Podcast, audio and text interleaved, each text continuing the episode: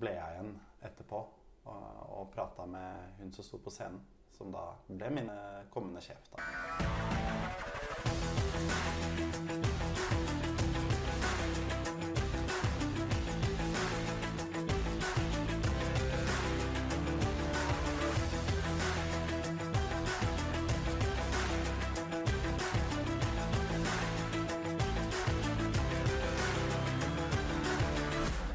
Hei, Andreas.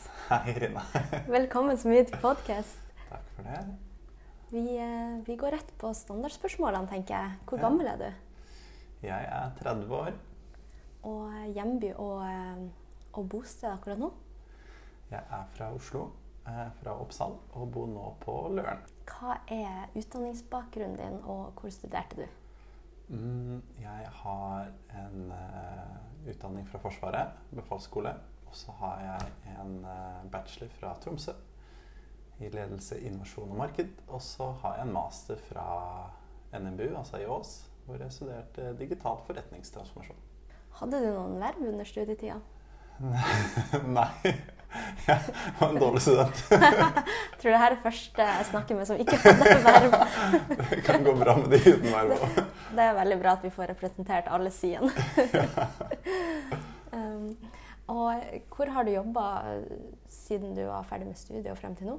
Jeg jobba jo litt før jeg starta å studere, da, i Forsvaret. Øh, og så jobba jeg i etterkant av studiene, så har jeg jobba i Bouvet. Jeg har ikke gjort det de to siste årene.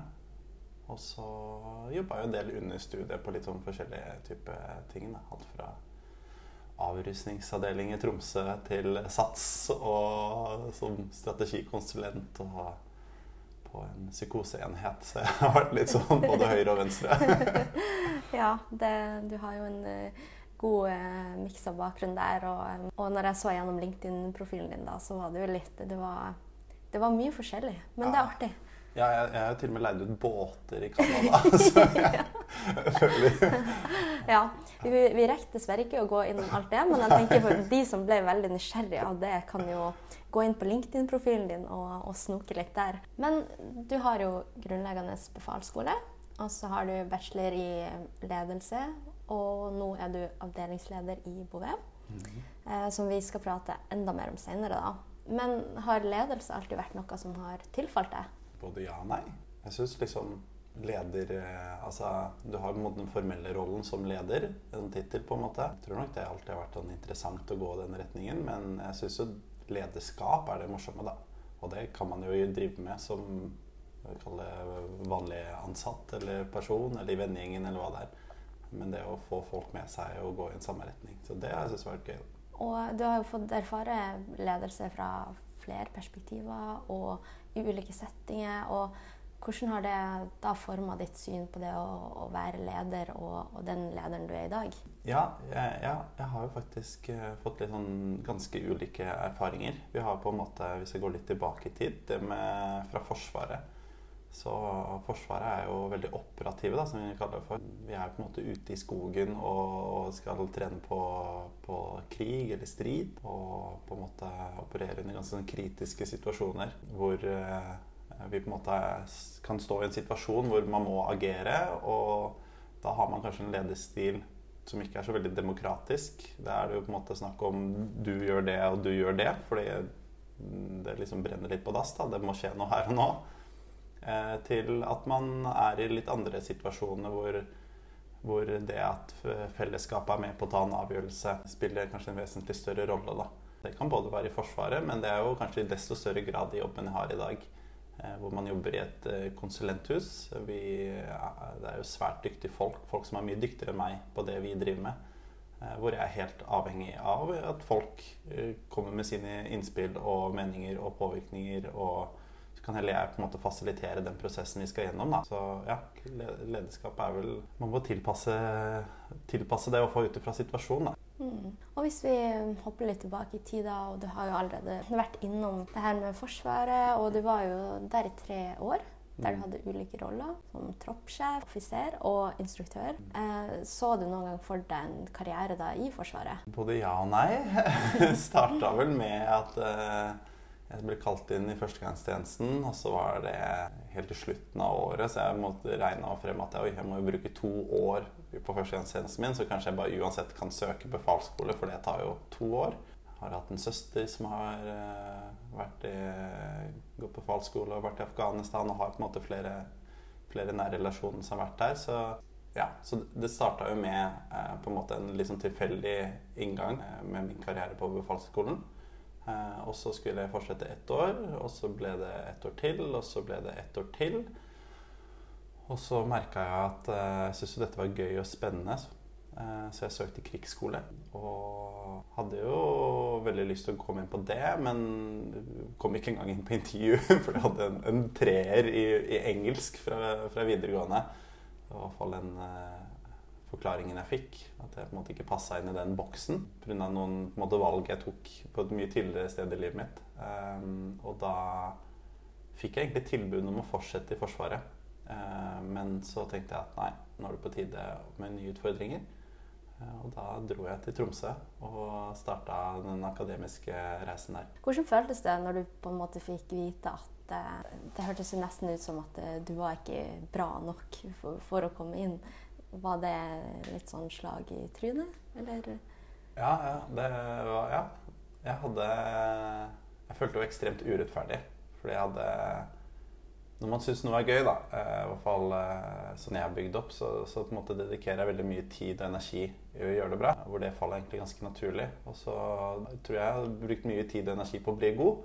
Og fikk gode på en måte tilbakemeldinger og sånn offisersvurdering, da, som vi kalte det for. Som, eh, som jeg tenkte at uh, det er noe man vil sette pris på i andre enden. Uh, og så blir man jo på en måte spent bein på da, på en karakter uh, fra videregående som var syv-åtte år gammel. Så da, da, følte jeg på en måte meg litt sånn robba. At, ja. Men samtidig, det var jeg som tok de valgene på videregående, og ikke investerte mye, like mye tid på, på, på den innsatsen. da.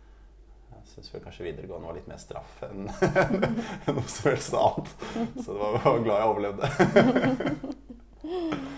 ja, og så åpna jo egentlig en ny dør seg da, til et nytt kapittel. Mm. Eh, som du nevnte, du flytta i 2016 til eh, Tromsø og starta på en bachelor i ledelse, innovasjon og marked. Så hvorfor, hvorfor akkurat Tromsø og dette studiet? Jeg føler at livet mitt består av tilfeldigheter, men jeg kommer jo egentlig ikke inn så veldig mange andre steder. jeg, jeg tror jeg søkte både Trondheim og Ålesund. Eh, men det var entreprenørskap jeg ville, da. Eh, så de to andre stedene som hadde en entreprenørskapslinje. Eh, og så var det Tromsø, hvor jeg hadde én kompis, og jeg visste ikke om noen av andre. Så var jeg oppe og besøkte ham på en fest. Og så tenkte jeg herregud, dette er passe klingerende mennesker, så her tror jeg jeg kan trives. Og så søkte jeg og kom liksom akkurat inn med det snittet jeg hadde. Jeg hadde ikke kommet inn om jeg søkte året etter. Det var egentlig litt sånn veivalget der. Mm. Mm. Og nok en tilfeldighet. Um, kan du Vi har jo hatt eh, Eller jeg har jo hatt noen gjester i podkasten som har eh, studert ledelse, innovasjon og marked. Det har jo jeg også. og Det er jo sånn vi kjenner hverandre.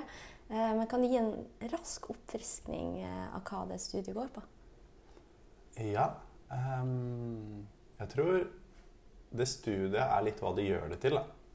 Hvis du på en måte starter der. Det er et veldig åpent studie. Du kan velge litt om du skal gå en økonomiretning, eller om du ønsker å gå en litt mer sånn innovasjonsretning. Ehm, det er veldig mange likheter med ØKAD, eller økonomi og administrasjon. Mange som på en måte tok noen ekstra fag og fikk to bachelorgrader.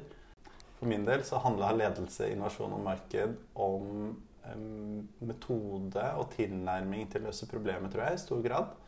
Eh, det var i hvert fall det jeg satt igjen mest med. Eh, design thinking var en metode vi på en måte lærte, og jeg på en måte tenkte oi, shit, dette er jo en veldig spennende måte å tilnærme seg behov eller utfordringer på. Eh, og kanskje det jeg har jobba mest med i etterkant også.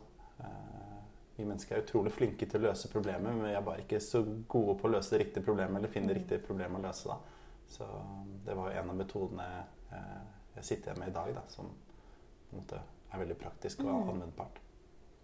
Kan du, vil du si at du fant noe da på det studiet som ga litt mening for deg, da, som du ville fortsette å, å fordype deg i?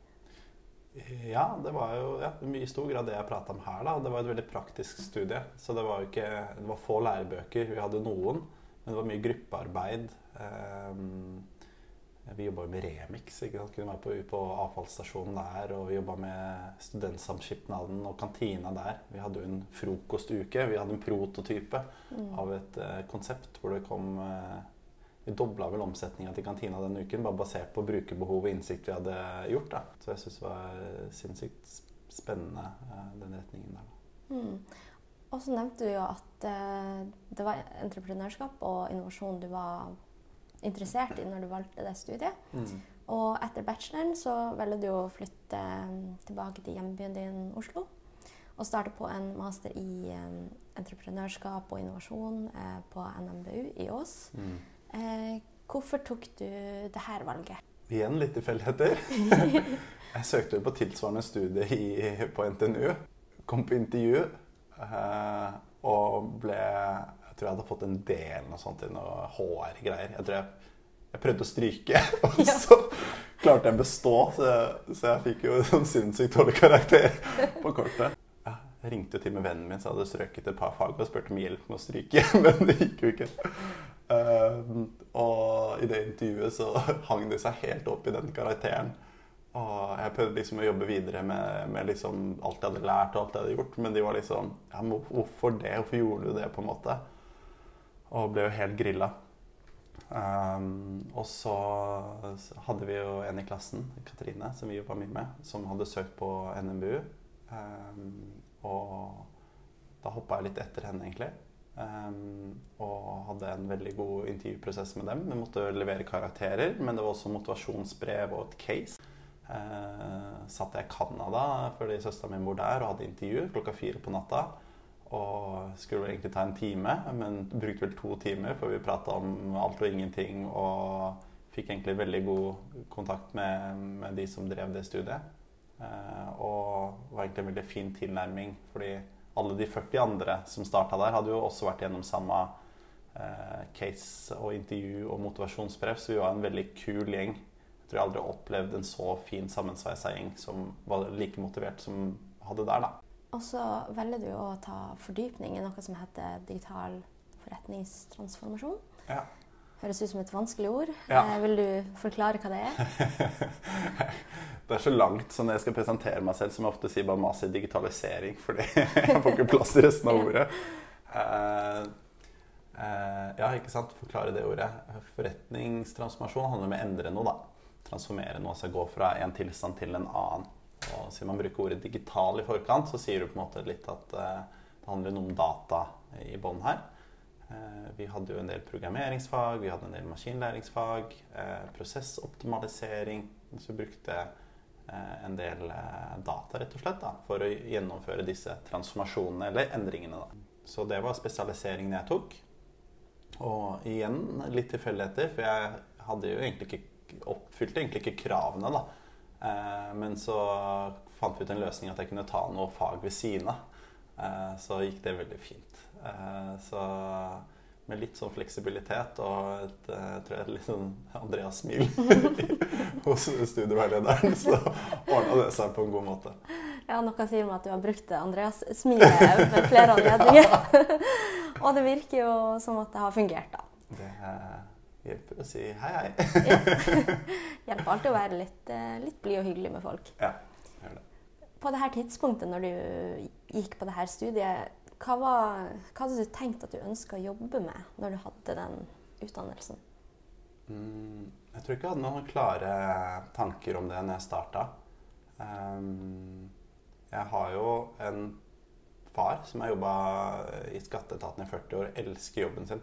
Og han har prata masse jobb, så jeg har jo skjønte jo kanskje at konsulentyrket var et yrke for meg, for det er så vidt. da, Eller så bredt. Um, og vi hadde prata mye jobb rundt middagsbordet og sånn, så jeg følte jo egentlig at jeg var sånn Hva skal jeg si Var en konsulent uh, fra barndommen av, på en måte, i tankesett.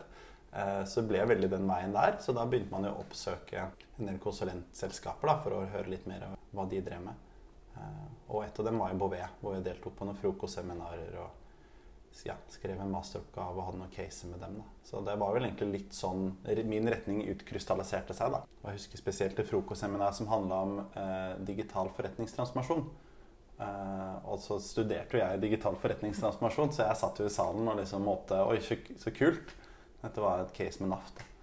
Eh, så ble jeg igjen etterpå og, og prata med hun som sto på scenen, som da ble min kommende sjef. da. Du har aldri vært redd for å gå og prate med folk? eh, I hvert fall. Nei. Det, ja, det, ja. Nei, det har jeg ikke vært så redd for. Um, men Jeg, jeg husker I Tromsø så hadde jeg jo mål om å bli kjent med én ny person hver dag. Ja. Det var sånn det gikk en dag. Hei, mitt navn er Andreas. Jeg tror folk syntes jeg var litt rar. Men da fikk du vel mange, mange bekjente. Jeg gjorde det til slutt. Mm. Og, eh, så det var litt nær konsulentverden som kanskje trigga deg. Eh, men under studietida så jobba du jo også flere år i en startup. Og, og du sa jo at eh, entreprenørskap og innovasjon var jo noe som du likte veldig godt. Var det noen gang, ja, på et tidspunkt at du ønska å starte et eget selskap? Ja, jeg tror det alltid har vært en drøm. Eh, og så nevnte du litt at jeg jobba for en startup eh, som heter Able. Eh, og ikke det at jeg var sånn sinnssykt mye med i det. Jeg hadde muligheten til å gjøre det. Men jeg erfarte jo det at ønsker man å drive med startup, så må man ha en litt sånn De har et annet forhold til risiko, da. Hvor kanskje jeg erfarte også gjennom de siste årene at jeg liker nok å ha noen rammer rundt meg. Det å på en måte ofre jobb og hus og det som er for å lykkes. Eh, det er en enorm eh, investering å ta og en konsekvens. Og der, der er jo de gründerne som jobber der i, den dag i dag, er jo vært veldig gode på det å lykkes. Og det, jeg har jo starta opp en, en Eller var i ferd med å starte opp et badstueselskap. Utleie badstue på Vestlandet. Mm. Og fikk jo støtte fra kommunen og det ene og det andre. Eh, Men da er jo på en måte igjen det med trygge rammer. Jeg sier ikke opp i jobben, og jeg, jeg på en måte eh, tør ikke å dra det så langt, i hvert fall ikke frem til nå. Um, og jeg tror det, hvis man skal lykkes med en startup, da, så jo, tror jeg man må liksom hoppe, hoppe inn med, i det med både sjel og kropp. Mm. Um, og det Så tøff har jeg ikke vært ennå. Men jeg liker på en måte kreativiteten og det å skape nye ting og være med på å utforme ting. Mm. Um, som også er litt av grunnen til at jeg har gått inn i den rollen jeg har gått inn i nå i Bouvet. Men da med ganske trygge rammer rundt meg. Mm. Jeg tror det er en veldig fin refleksjon, det her med at uh, man ønsker jo gjerne å få til ting og jobbe med det man har lyst til. Um, men så har jo man også noe som heter verdier, og også um, preferanser for hvordan man liker å ha det rundt seg. på en måte Hvordan vilkår rundt gjør at man sjøl trives og at man kan prestere. Og du fant ut at det å ikke ha så mange rammer kanskje ikke passer deg, men likevel vil du jobbe med det fagfeltet, da, Mm. eh, eller innovasjon. Eh, men det så du at du kunne få i Bouvet. Mm. Um, og du nevnte jo at eh, Bouvet hadde hatt litt sånne bedriftspresentasjoner på studiet, og du hadde vært i kontakt med dem. Var det på en måte alle de her, den informasjonen du hadde fått om dem, som gjorde at du, du søkte deg dit? Ja, altså har Min beste kompis og barndomsvenn han jobba i Bouvet. Så var sånn jeg fikk vite om dem. Hadde jo ellers ingen på en måte Hadde ikke hørt om dem, selv om de er veldig store. Over 2000 ansatte i Norge. ikke sant? Så man burde kanskje ha hørt om dem. Men jeg hadde jo ikke det. Så først når jeg hørte hans eh, opplevelser av å jobbe i det selskapet, og, og han visste jo at jeg jobba med entreprenørskap og, og sånt, så det var egentlig vi sammen som fant ut at de hadde et case. De hadde gjennomført et hackathon kommet med et konsept, men klarte ikke å videreutvikle det. Så da eh, fikk vi gjennom studiet en del caser presentert. Så spurte jeg læreren min du, jeg har en kompis som jobber i Bouvet. De har et spennende case, kan vi bruke det istedenfor? Satte opp et møte med læreren og, og, og Bouvet. Eh, og fikk på en måte, gjennomslag for å gjøre det istedenfor. Og var med på å lage forretningsplan og noen prototyper. og så sitter da Bouvet i andre enden i panelet og dømmer oss i etterkant da, med, med våre professorer. Da, eh, og er med på å gi en karakter. Det var jo litt uh, sånn jeg kom inn i Bouvet. Mm. Og for de som ikke har hørt om Bouvet, Mm. hva er det? Hmm, godt spørsmål. Vi, vi er en, et konsulenthus, da. Eh, norsk konsulenthus. Et, eh, er veldig verdidrevet. Vi har liksom få lover og regler å forholde oss til. Eh, som et eksempel så, så skulle vi arrangere et avdelingsmøte med noe sosialt i etterkant. Um, og jeg var jo helt ny som avdelingsleder og spurte uh, sjefen min hvor mye penger kan jeg bruke på det. på en måte. Er det 500 kroner per hode, eller er det, ja, hva er det for noe? Og da sier han se på verdiene våre, Andreas. Det finner du ut av. Og det er jo en av verdiene våre troverdighet og jordnærhet osv. Så, videre. så jeg skjønte at vi skulle ikke på Miami og spise, men vi dro heller på et sted som heter Ande på landet og hadde tapas og koste oss der. Ja. Um, så det tror jeg er noe av det som kanskje skiller oss fra ganske mange andre selskaper. Ekstremt verdidrevet. Uh, og det bruker vi på en måte alt fra tilbudsskriving til rekruttering, hvor vi leter etter folk som kan representere disse verdiene på en god måte. Uh, vi kaller det Bovere. Da. Det er ganske, og veldig langsiktig selskap. Uh, tenker på en måte ikke nødvendigvis kun om i dag og morgendagen, men på en måte flere år frem i tid. Og gjør en del sånn bevisste valg. Kjøper ikke opp selskaper. Vi på en måte ansetter én etter én, for de skal, de skal være disse boverene som støtter opp under vår kultur. Uh, Istedenfor å på en måte kjøpe et selskap, et stort selskap som er etablert innenfor bærekraft eller noe annet da, som er i vinden om dagen, så bygger vi heller opp disse miljøene selv. Da. Tar litt lengre tid, men på lang sikt så, så er det ganske store gevinster. Så Det syns jeg er veldig kult med det selskapet jeg jobber i. Har du noen konkrete eksempler på tjenester dere leverer? Eh, ja, vi, vi, leverer jo sånn Vi er en IT-bedrift. så liksom IT og programmering og systemutvikling og applikasjonsutvikling er på en måte ryggraden vår. Eh, og så har vi eh, det som går på rådgivning. Da har vi jo endringsledelse, og vi har prosjektledelse og smidige coacher og på en måte et bredt spekter. Og så har vi det som går på design og kommunikasjon. Da har vi UX-designere og tjenestedesignere og forretningsdesignere og egentlig de som er veldig gode på å identifisere brukerbehov. Da. Litt som vi prata om i sted med design thinking kanskje som metodeverk. Eh, og så leverer vi jo haug av tjenester innafor det her, da. Eh, selv driver jeg med, med Microsoft 365, altså Microsoft-produkter, og lavkode gjennom det som heter Power Platform. Mm. Vil du fortelle litt om reisen din i Bouvet så langt? Du har jo gått fra litt ulike roller. Ja. Starta for litt over to år siden. Starta som konsulent. Eh, gikk vel eh, rett inn som eh, prosjektleder eh, i, for en kunde av oss som skulle oppgradere nettsiden sin.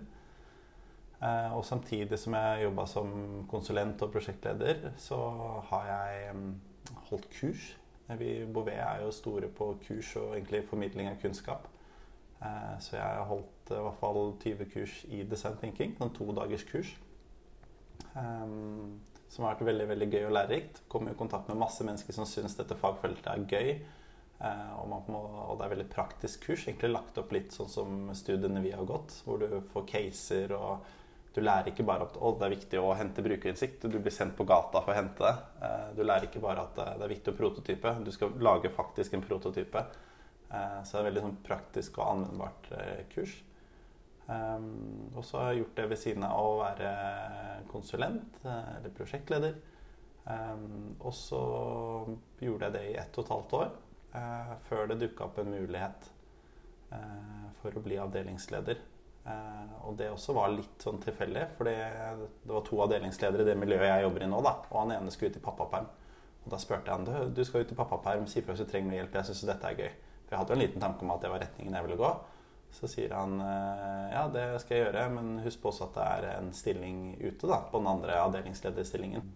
Og så tenkte jeg oi, kanskje, kanskje det er riktig tidspunkt nå. Eh, hadde egentlig ikke tenkt på det så mye, men valgte da på en måte å gripe den sjansen. Eh, og så gikk det, gikk det stang inn, da. Mm. Så ja, så jeg har jobba som avdelingsleder siden mars eh, i år. Da. Det er jo veldig tøft at du bare grep den muligheten når den kom. Eh, vi skal prate litt mer om det også, men jeg har lyst til å spørre deg hvordan var det å møte arbeidslivet eh, i Bouvet da, som nyutdanna? Jeg tror nok jeg hadde en ganske annerledes opplevelse enn mange andre. Jeg hadde jo jobba fire år i Forsvaret. Eh, jeg følte på en måte Ja, jeg var nyutdanna, men eh, jeg hadde jo samtidig jobba en del Altså, jeg jobba siden 14 år.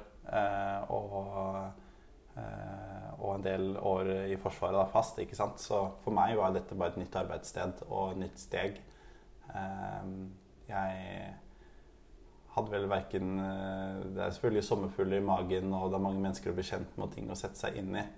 Eh, men jeg hadde samtidig en liksom ganske klar formening om hvordan jeg skulle løse oppgaven. Um, så jeg tror nok kanskje min erfaring som nyutdanna er litt annerledes enn andres erfaring.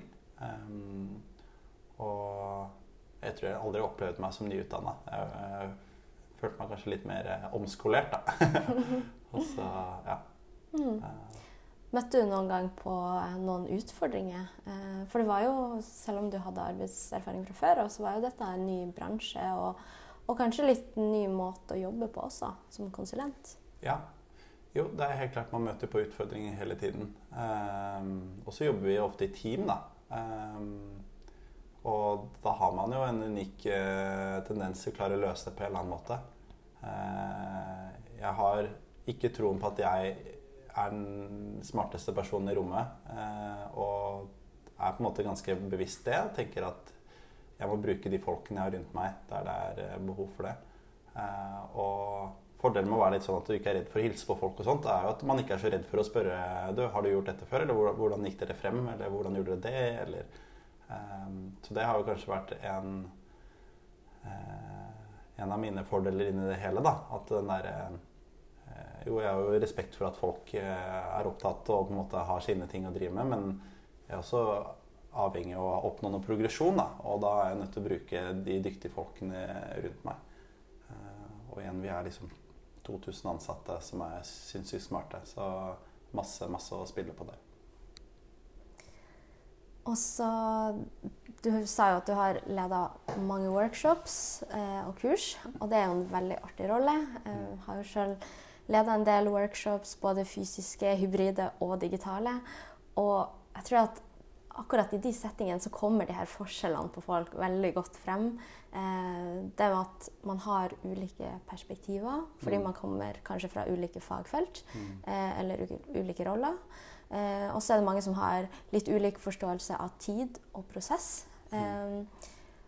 Eh, hvordan, eh, ja, hvordan, er dine erfaringer i møte med de her ulikhetene da på workshops eller generelt i gruppearbeid? Jeg tror eh, at eh, altså Ulikheter møter man jo overalt. Det er på en måte uunngåelig. Det, det, får man ikke gjort noe med, så det handler jo da om tilnærmingen man har. Og min opplevelse er jo at en ulikhet ofte eh, skapes eh, Eller ulikheten er der, men misoppfattelsen eller diskusjonen ofte skapes at man ikke helt klarer å se det samme bildet. Eh, og det er veldig bra at folk har ulike perspektiver, men vi er nødt til å skape en felles situasjonsforståelse eller forståelse. da. Um, og dette her er noe jeg prater om ganske ofte, både med konsulentene mine og andre ansatte. og det som måtte være, Men det å bruke visuelle verktøy for å på en måte eh, diskutere en ting eller komme frem til det, det er en veldig sånn, eh, kraftig måte og full måte å jobbe på. Bare det, Jeg bruker ofte eksempler med et, et vann, vannglass. Hvis, hvis, dette her, vi skulle lagd en kaffekopp, eh, så kunne du på en måte starta med det her og sagt dette er på en måte problemet eller dette er ting vi skal løse, så kan jo du si nei, nei men kan ikke, det kan ikke være gjennomsiktig, jeg vil ikke se det. Og ja, men Da skjønner jeg ditt perspektiv. Så sier noen ja, men du kan ikke holde glasset med en hank. ikke sant? Så bare det med å ta opp noe som Det ligner ikke engang på en kaffekopp. Eh, så kan man begynne å, å prate med visuelle ting. Det kan være en tegning eller en skisse eller det kan være en powerpoint. eller altså Det kan være mange ting man bruker. Men det å på en måte få tegna noe ned, for da har man tendens til på en måte evne å se det samme, da. For da er du på en måte foran deg. Um, og jeg tror det, det er iallfall en måte å ufarliggjøre forskjeller på. Og så er det ekstremt viktig å ivareta disse perspektivene. Det er jo ofte i krysningspunktet eh, mellom de ulike perspektivene at verdien oppstår. Vi kan jo på en måte ikke bare lytte på brukerbehov, eller bare tenke på teknologi, eller bare tenke på det juridiske. Det er på en måte Vi må embrace alle disse tingene, og så er det i dette krysningspunktet at man eh, opplever, eller oppnår denne verdien. Oh, det der var litt sånn musikken i det. Ja, det var veldig poetisk. ja, men det var eh, veldig fint, for det er jo litt det her Et utgangspunkt er alltid bedre enn ingenting. Mm. Eh, og det å bare tenke en tanke uten noe å forholde seg til kan være utrolig vanskelig. Og så, og så tenker jeg at uh, i et rom da, hvor det er, det er alltid sterke personligheter, uh, og det er en av um, det er ofte en av utfordringene at de som roper høyest, er ofte de som blir hørt. Uh, og da må man også ha noe verktøy for å på en måte kunne håndtere det. For det er ikke nødvendigvis de som roper høyest, som har den beste tanken eller meningen. Eh, så det å eh, kunne fasilitere et arbeidsmøte, eller hva, det måtte være for noe, da. Hva tenker du, Irina? Ja, hva med deg, Knut? Eller det å at alle skriver en Post-It-lapp eller skriver noen notater, og så presenterer man. Man får ett minutt hver eller to minutter hver. altså hva fall noen rammer, da. Så blir alle hørt. Eh, for det også tror jeg er noen veldig sånn fallgruve. At man sitter i et møte, så er det de som roper høyest, eller de som kanskje har høyest myndighet, eller noe sånt, som tar avgjørelsene. Uh, uten å nødvendigvis være de som sitter nærmest problemet eller forståelsen av problemet. Mm. Og det der liker jeg også veldig godt med de her metodikkene. For ikke bare er metodikkene veldig eller design- og innovasjonsmetodikkene veldig gode på å komme til kjernen av uh, hva man faktisk skal løse, mm. men det skal jo også bidra til å inkludere alle og unngå konformitet og silotenking som som gjør at man faktisk da beveger seg kanskje bort fra problemet man egentlig skal løse. Mm. Så jeg er også veldig glad i prosess. Mm. så derfor syns jeg det er så poetisk, det du sier. um, så litt tilbake til det her med at du er blitt avdelingsleder. Mm. Um, hva innebærer det å være avdelingsleder i Bouvet? Det er nok eh, en av de rollene i Bouvet eh, som har eh, flest hatter på seg. Da. At eh, skal liksom være inkludert i alt. Og eh, Bouvet er jo en organisasjon som har vokst veldig mye. Eh, jeg tror bare i år så har vi ansatt 200 stykker. Som er jo Det er mye. Um, og så skal man som avdelingsleder både ha ansvar for å følge opp folka. Det, det er jo kanskje den viktigste oppgaven vår. Men så skal vi også får vi en del forespørsler fra kundene våre. Vi trenger hjelp med dette. Og da er det jo mange som konkurrerer om den og bistår med den hjelpen. For det er jo det vi lever av, å leie ut folk. Så da skal du skrive tilbud. Det tar mye. Eh, og så er vi jo inne i masse eh, prosjekter fra før av, så det handler om å følge opp de og sørge for at eh, man lykkes i de leveransene man skal gjøre. Og så er det jo det å utvikle forretningen vår, da. Altså aldri stå stille. Vi har gjort ting i Bouvet i, i snart 23 år, på en måte. Og så har det fungert veldig bra, men så vokser man, og ting må endre seg. Man må hele tida tilpasse seg. Så det å aldri gro fast i et gammelt tankesett og hele tiden utfordre og se på smartere måter å gjøre ting på, det er en viktig del. Um, jeg bruker mye tiden min om dagen på rekruttering eller ansette folk. Eh, og det Uten de riktige folkene og med riktig kompetanse og riktig personlighet, og så er det jo vanskelig for oss å bli det ledende miljøet på det vi driver med. Eh, så denne rollen omfatter jo egentlig alt Eh, og ingenting. Eh, man skal også ha ansvar for økonomi og på en måte at resultatene vi leverer. Så jeg tror som avdelingsleder i Bouvet så har man nok eh, mye dårlig samvittighet for at man ikke når opp der man skal være nødvendigvis. Og så er det samtidig veldig veldig gøy, for man får utfordra seg på ekstremt mange ting. Så tror jeg man bare innser at man kan ikke alt. Så man er nødt til å bruke de rundt seg på en god måte.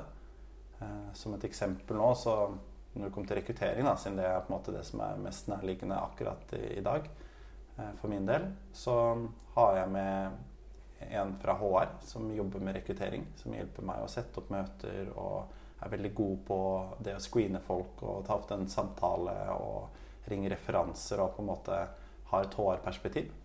Og så har jeg med en konsulent som er veldig god i faget. Eh, han heter Philip. Eh, han kommer med sine betraktninger og se ting jeg ikke evner å se. Fordi jeg er ikke en fagekspert. Eh, jeg kan være god på å utvikle forretningen vår og spille folk gode og sånt, men selve faget kan konsulentene mye bedre enn meg. Og så er det jo til syvende og sist jeg som skal ta en eller annen avgjørelse. Da. Men da sitter vi, har vi to møter i uka eh, hvor vi sitter og diskuterer det her. Og da er jeg liksom Ja, hva tenker du, Philip? Hva tenker du, Annan? Eh, og så sitter vi sammen og tar disse avgjørelsene. Helt avhengig av det. Jeg hadde ikke jeg tror jeg gjort mange dårlige avgjørelser hvis jeg skulle sitte i dette rommet alene. Mm. Um, så, og sånn prøver jeg på en måte å jobbe på de andre områdene også, der det er hensiktsmessig og naturlig. Uh, men det er klart det er vanskelig i en travel arbeidshverdag, det òg. Har du personalansvar i denne eh, rollen? Ja. Mm. Så jeg har 20 eh, konsulenter da, som jeg har ansvar for. Og så er vi jo et, vi er to avdelinger, da, så han andre har også ansvar for 20 personer.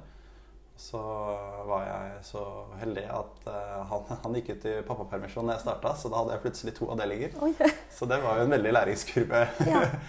Hvordan har det vært å ha uh, egentlig å bare bli kasta rett ut i det, da? Nei, jeg tror det er den beste måten å lære på. Jeg, jeg har fått, uh, det skal sies, jeg har ikke gjort dette alene. Jeg har fått masse, masse støtte av de rundt meg. Både min leder og de ansatte har en kjempe, gjort en kjempeinnsats her. Ehm, så hadde jo ikke funka uten det, for å si det sånn. Så jeg har hatt et apparat rundt meg. da. Men eh, jeg tror det er ingen bedre måte å lære på enn å bare bli hevet ut i det. Og så på en måte kommunisere tydelig at ok, dette kan bli en litt sånn røff tid, og ting er ikke perfekt. Eh, vi gjør det beste vi kan ut av det, men, og dette er en laginnsats. Eh, så skal jeg love at om et halvt års tid så skal jeg være oppe og nikke og mm. være den personen denne rollen trenger. da. Det høres ut som at uh, god støtte fra kollegaer har vært viktig for deg i den rollen du er i nå. Har du andre verktøy som du drar frem når uh, ting blir litt tøft og, og litt utfordrende? Uh, ja, jeg har et par verktøy. Jeg føler av og til at jeg går litt tilbake i tid. Nå Rundt kontorplassen min nå, så er det flere tavler med Eller whiteboards, da. Med, hvor det henger bilder av de ansatte og kunder og tilbud, og vi har veldig sånn, visuelt hjørne. Eh, så når jeg opplever en utfordring nå, så prøver jeg å tegne opp så kjapt som mulig. Og så spør jeg de rundt meg hva tenker dere, hvordan skal man gjøre det. Det kan være alt fra eh, kabal, altså ansattkabaler, da. Hvem skal vi tilby til hvilket prosjekt, eller eh, hvordan er det vi skal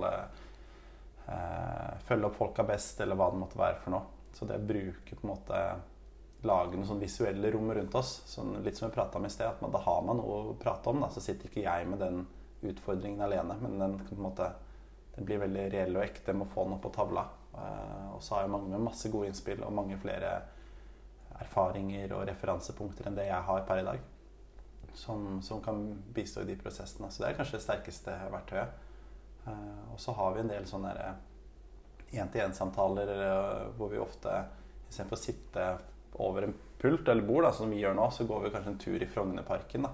At vi egentlig bare kommer litt ut av kontoret og fjerner den fysiske hindringen. Og da har man tendens til å liksom åpne seg litt mer, og det blir litt mer menneskelig den, de samtalene man har. Da. Um, og det også hjelper veldig på. Hva vil du si til andre som kanskje også går og tenker på at de ønsker seg en, en lederrolle?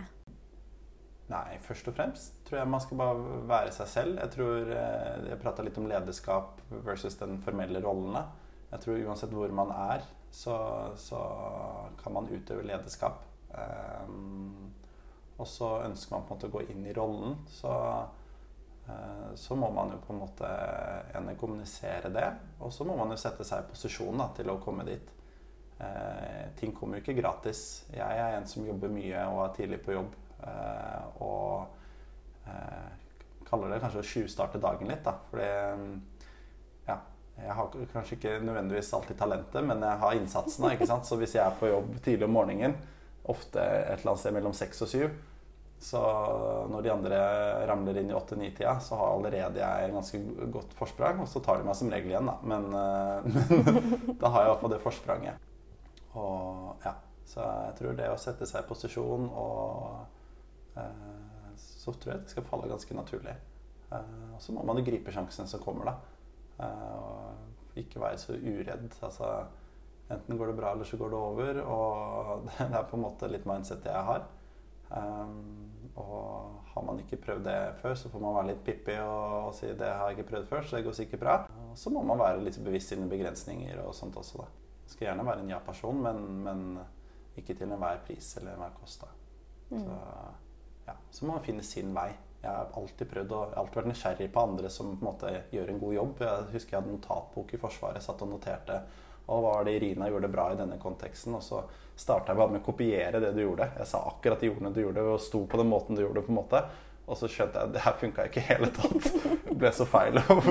Eh, soldatene skjønte på en måte ikke hva jeg dreiv med engang. Det var helt sånn karakterbrist. Mm. Og så gikk jeg litt tilbake og tenkte ok, men hva var på en måte prinsippene, eller hva var på en måte essensen i det du gjorde, da? Eh, og så ok, hvordan kan jeg gjøre det i, i mitt format? Um, og da, da, begynte jeg å utvikle meg i veldig stor grad. Da.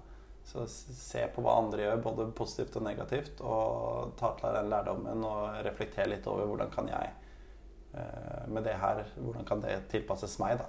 Eh, det er vel kanskje noe av det jeg har lært mest av. Mm. Det høres ut som, eller gjennom hele reisen din frem til nå, da, så har det jo vært litt, litt tilfeldigheter, men det har jo også vært mye ha, hardt arbeid. Eh, og at du har jo på en måte hatt eh, noen mål i bakhodet. Mm. Men det som virker som, til tross for alt det her, da, eh, så virker det som at du alltid har vært veldig nær dine personlige verdier. Er det noe du har hatt et bevisst forhold til, eller er det bare noe som har kommet veldig naturlig til det? Både òg.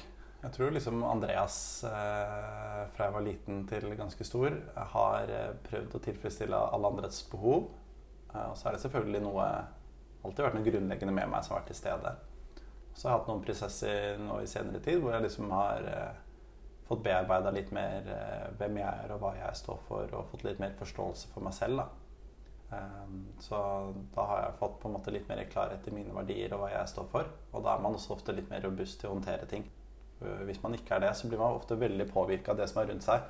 Da kan liksom dårlig, at det er dårlig vær nesten påvirke hvordan uh, jeg er som person. ikke sant? Uh, mens nå har jeg litt mer kontroll på hvem jeg er og hva jeg kan gjøre. Og så må jeg bare tilpasse det eh, til omgivelsene, som ikke det er jeg som på en måte styrer litt hvem jeg er, og ikke at det er omgivelsene som bestemmer det. Vil du dele litt eh, hvordan, du, hvordan, dine verdier ble tydeligere for deg? Um, ja. Jeg, jeg, har jo gått en del år til psykolog, da. Så det, det var litt sånn resultat av tror jeg, mange tanker og og mange spørsmål og ubesvarte svar. Uh, og så har jeg alltid visst liksom at jeg er eller i hvert fall siden Forsvaret at jeg var profesjonell. da. Det var liksom, Jeg husker psykologen spurte meg hvem er Andreas, og så klarte jeg bare eh, Jeg er profesjonell. Jeg assosierte meg kun med jobb, og egentlig, for det er der jeg presterte. da. Og så, ja Gjennom eh, den prosessen der så begynte man liksom å få noen knagger jeg kunne knagge litt på. Eh, og kan jo liksom Ok, jo, jeg er profesjonell, da, men jeg er også på en måte omsorgsfull. Og kreativ er liksom tre knagger. Eh, og når jeg skjønte det Så det høres jo veldig banalt og enkelt ut. Men da skjønte jeg også hvorfor jeg ble så påvirka av ting. Jeg hadde jo lyst til å pusse opp og male hele leiligheten av et nybygg. ikke sant? Og si faren min nei, det kan du ikke gjøre. Nå har det vært en maler der, og det blir aldri så bra som når han var der. ikke sant? Så blir jeg kjempelei meg og trist i etterkant, og jeg blir jo jeg skal ikke si depressiv, men jeg blir sånn ordentlig lei meg. liksom. Og så skjønte jeg ikke hvorfor det. Men det er jo pga. jeg som person ønsker å være kreativ. Og da fikk jo jeg på en måte, uten at faren min Han var jo bare rasjonell og ønska meg mitt beste. Men jeg opplevde jo det sånn innvendig at han ikke anerkjente min kreativitet. da. Um, så det bare var litt mer bevisst på disse type tingene. Og så husker jeg Jeg har aldri klart å være alene hjemme eller å slappe av. Og så når man begynner å innse at ok, profesjonalitet og det å prestere. Det handler om å gjøre ting hele tida. Og når jeg liksom begynte å tenke oi, hvis det er meg også, Man kan ikke spille fotballkamp hver dag på en måte heller. Man må jo ha noen restitusjonsdager. Så nå når jeg er alene og slapper av, så klarer jeg å tenke på å ja, nå slapper jeg av, for da kan jeg prestere i morgen eller neste uke. eller hva det er for noe da. Så jeg har litt, den der, litt mer kontroll over følelsene mine. Litt mer kontroll over uh, uh, hvem jeg er. Og da er det fryktelig mye enklere å å navigere seg rundt i det landskapet vi omgir oss i. Mm. Og det der tror jeg er så viktig at du deler. Mm. Og det å være bevisst over uh, sine personlige verdier er et utrolig godt verktøy for å stå mer støtt, som du sa. Mm.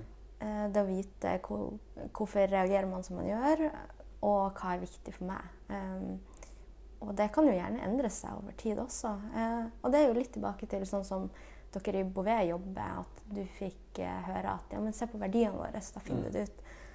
Og det er jo en grunn til at det, nesten alle selskaper har verdier. Noen bruker dem kanskje ikke så aktivt, noen bruker dem mer aktivt og lever etter dem. Og man kan jo uh, overføre det også til sitt personlige liv, og i ulike settinger. Men det vil jo være et skjæringspunkt der uansett. Og jeg kjenner meg veldig igjen i, i hvert fall den profesjonalitetsverdien. Mm. Det kan være veldig slitsom, eh, men det gjør òg at man kan bli litt mer bevisst over hvordan man kan styre den. da. Mm. Eh, og ikke ta, la den ta helt overhånd. Mm. At det er lov å slappe av også. Jeg tror sånn der, jeg er opptatt av gode resultater og sånt, men så er jeg også veldig klar over at jeg, jeg kan jo bare legge ned innsatsen jeg har kapasitet til å gjøre. Så får jeg ikke gjort mer enn det jeg får gjort, så er det på en måte det, dette resultatet også. Og der opplever jeg kanskje en forskjell at noen som har litt mer det der eh, Kall det flink pike-syndrom, eller hva man skal kalle det for. På en måte aldri blir fornøyd, da, mens jeg opplever at jeg, så lenge jeg legger ned innsatsen, så på en måte har jeg gjort det jeg kan gjøre. Så det også tror jeg er en en viktig måte å oppnå noe progresjon på også. At, uh, for perfeksjonisme er ofte liksom en liten brems da, for progresjon. Uh, så man må hele tida balansere disse to tingene. Mm. Uh, for det hjelper jo heller ikke å etterlate seg bare dårlige resultater heller. Er- Du får ikke noe progresjon da heller. Så det, det er liksom den balansen der. da. Helt enig. Og det er kanskje en av de tingene som ikke overraska meg, men som jeg ble mer bevisst over når jeg kom ut i arbeidslivet, det her med den 80 %-regelen. At 80 er godt nok. Mm. Eh, og ofte må man gjøre Eller så ønsker man jo å gjøre 110 Mm. men så finner man jo ut at 80% er ofte godt nok. Og det er sånn man også kan skape fremdrift og utvikling. Mm. For hvis ikke så kan man jo ende opp med å bare stå på stedet hvil fordi det blir aldri perfekt. Mm. Eh, men som du sier, det er litt eh, Man må jo se det litt an, og, og, eh, og man vil jo levere et resultat man kan være stolt av også. så tror jeg liksom Det er litt avhengig av hvilken situasjon man er i. Fordi noen ganger skal man levere veldig mange ting. Og da er man litt mindre kritisk til det man skal levere òg. Jeg tror hvis man har én oppgave, type masteroppgave eller hva det skal være for noe, da, én leveranse, så er det på en måte Da blir veldig mye fokus inn i den. Mens jeg opplever nå i min hverdag, som kanskje er en av de største forskjellene på å være konsulent og leder, at det, ok, man skulle levere på en måte hadde ett prosjekt man skulle levere på, eh, versus nå er det jo tusen ting, på en måte. Eh, så da blir man også litt mindre kanskje kritisk til, eh, til, til kvaliteten. Og man må samtidig være mye mer kynisk når det kommer til prioriteringer. Mm. Folk, folka er jo hva som betyr noe i Boe. Eh, og det er noe vi på en måte prøver å prioritere masse oppi her også. Og da Mm. skjønner vi kanskje ok, det blir jo ikke dette tilbudet kanskje så bra vi skulle ønske, eller hva det var for noe, men det er mest sannsynlig godt nok. Ja, og det er en god sammenligning, det her med eh, en eksamen versus et oppdrag på jobb. Eh, Og det var kanskje òg en av de omstillingene jeg syns var litt utfordrende. Fordi jeg ønska jo å gjøre 100% og på studiet så kunne jeg gjøre det. Det var ingen som bestemte over tida mi, bortsett fra meg sjøl. Mm. Og hvis jeg hadde lyst til å bruke x antall timer på en oppgave, så gjorde jeg det. Mm. Når jeg kom ut i arbeidslivet, så er det jo plutselig noen andre som har bestilt en leveranse fra meg. Mm. Da kan jo ikke jeg bruke hundrevis av timer på å sitte og pirke på noe som sannsynligvis ikke har så mye å si. Mm. Så den der overgangen fra at jeg var litt min, eh, min egen sjef over egen tid på en måte, kontra at du skulle levere noe til en pris eh, og en timebruk som også var et bra resultat. Det var, det var en omstilling for min del. Det var et spennende sånn tankeprosjekt og, om studiet. Det handler om å forberede seg til arbeidslivet. da. Det føler jeg man ofte kan glemme litt, eh, de som setter opp studieprogrammer og sånt. Eh, Tre timer skoleeksamen uten noen hjelpemidler. Fortell meg én gang i arbeidslivet. Det er scenario. Det har jo aldri, aldri skjedd og kommer aldri til å skje. Eh, Men også det du prater om tid. At du har liksom veldig selvstendig og du bestemmer selv. Mens i arbeidslivet så har du rammer. Du skal jobbe 7,5 timer om dagen. Eh, Som konsulent så skal du timeføre på de ulike prosjektene. Eh, Og hatt det som en, eh, en tilnærming på studiet. At ok, du har tre fag.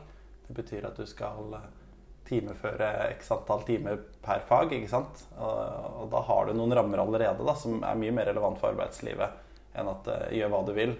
Eh, ta heller skippertak mot slutten, på en måte, som man egentlig mange lærer seg. da.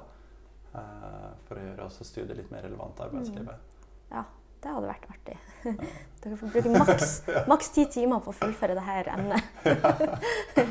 Det hadde vi på masteren. Vi hadde en som heter Joakim. Han var veldig sånn pragmatisk og veldig konsulentorientert. Mm. Han var, eh, hvis Vi fikk ikke alltid all informasjon om caset, så sier han ok, da gjør du noen antakelser. Mm. Eh, tenk på at dette er en konsulentrapport. Altså, det skal, Mm. ja. Så det syns jeg også var i langt større grad på NMBU, da. En, en, en tilnærming der enn det var f.eks. i Tromsø og på, på LIM, eh, vår der. Da. Mm. Så da lærte vi i langt større grad å tenke som konsulenter og ja. Mm. Vi skal begynne å runde av, um, Ja. så jeg skal stille deg et par spørsmål til, bare. ja. Um, hva er dine mål for videre karriere? Jeg har ikke et sånn konkret mål. Jeg har en eller annen stjerne der oppe jeg driver og følger. da. Men jeg er ikke så opptatt av om jeg går til høyre, venstre og så, altså hvordan disse veiene går. Eh, målet må jo være at eh, jeg har det gøy på veien. At jeg får lov til å jobbe med flinke mennesker. At jeg får lov til å påvirke det jeg driver med. Eh, at jeg hele tiden kan utfordre meg selv, i hvert fall i de fasene og periodene av livet det er eh, mulig så har jeg sånn overordna mål med livet om å være lykkelig. da. Så jeg kan ikke gå inn og være et sted hvor jeg ikke trives. Eh, men om det er å jobbe i Bouvet resten av livet, eller eh, et annet sted, eller drive med noe helt annet, det vet jeg ikke. Mm. Og gjennom denne samtalen så har du jo kommet med allerede veldig mange gode tips til andre. Men hvis du skulle gitt et tips til andre som er i starten av sin karriere, hva skulle det vært? Eh, Jeg føler alle sånne tips alltid blir sånn klisjébelagte. Eh, Men eh, ikke vær redd, i hvert fall. Altså, ja. Enten går det bra, eller så går det over. Folk har en ekstrem toleranse for at man prøver og feiler, så lenge man liksom kommuniserer det. At 'oi, dette har jeg ikke gjort før, men la oss prøve'. Og aldri ta på en sånn der besserwisser-hatt 'dette kan jeg', som ofte kan skje når man er litt usikker. Man heller på en måte har litt sånn steinansikt og og være heller ydmyk for rollen man har, og spilt på lag med andre. Dette er ikke, det er ikke en konkurranse, det er et samarbeid. Og ja, mye mer gevinster av å samarbeide med andre. Ikke være redd å dele av kunnskap, ikke være redd å dele av tanker. Ikke være redd for å Hvis det er ny et sted, utfordre. Altså, det er en grunn til at vi, vi ansetter nye folk. Det er for å få andre perspektiver og tanker og sånt. Så ja, ikke vær redd for å dele de tankene dine. Det Var litt uredd. Veldig fine ord å avslutte med. Andreas, tusen, tusen takk for samtalen og for at du delte dine erfaringer i starten av din karriere. Takk for det, Irene.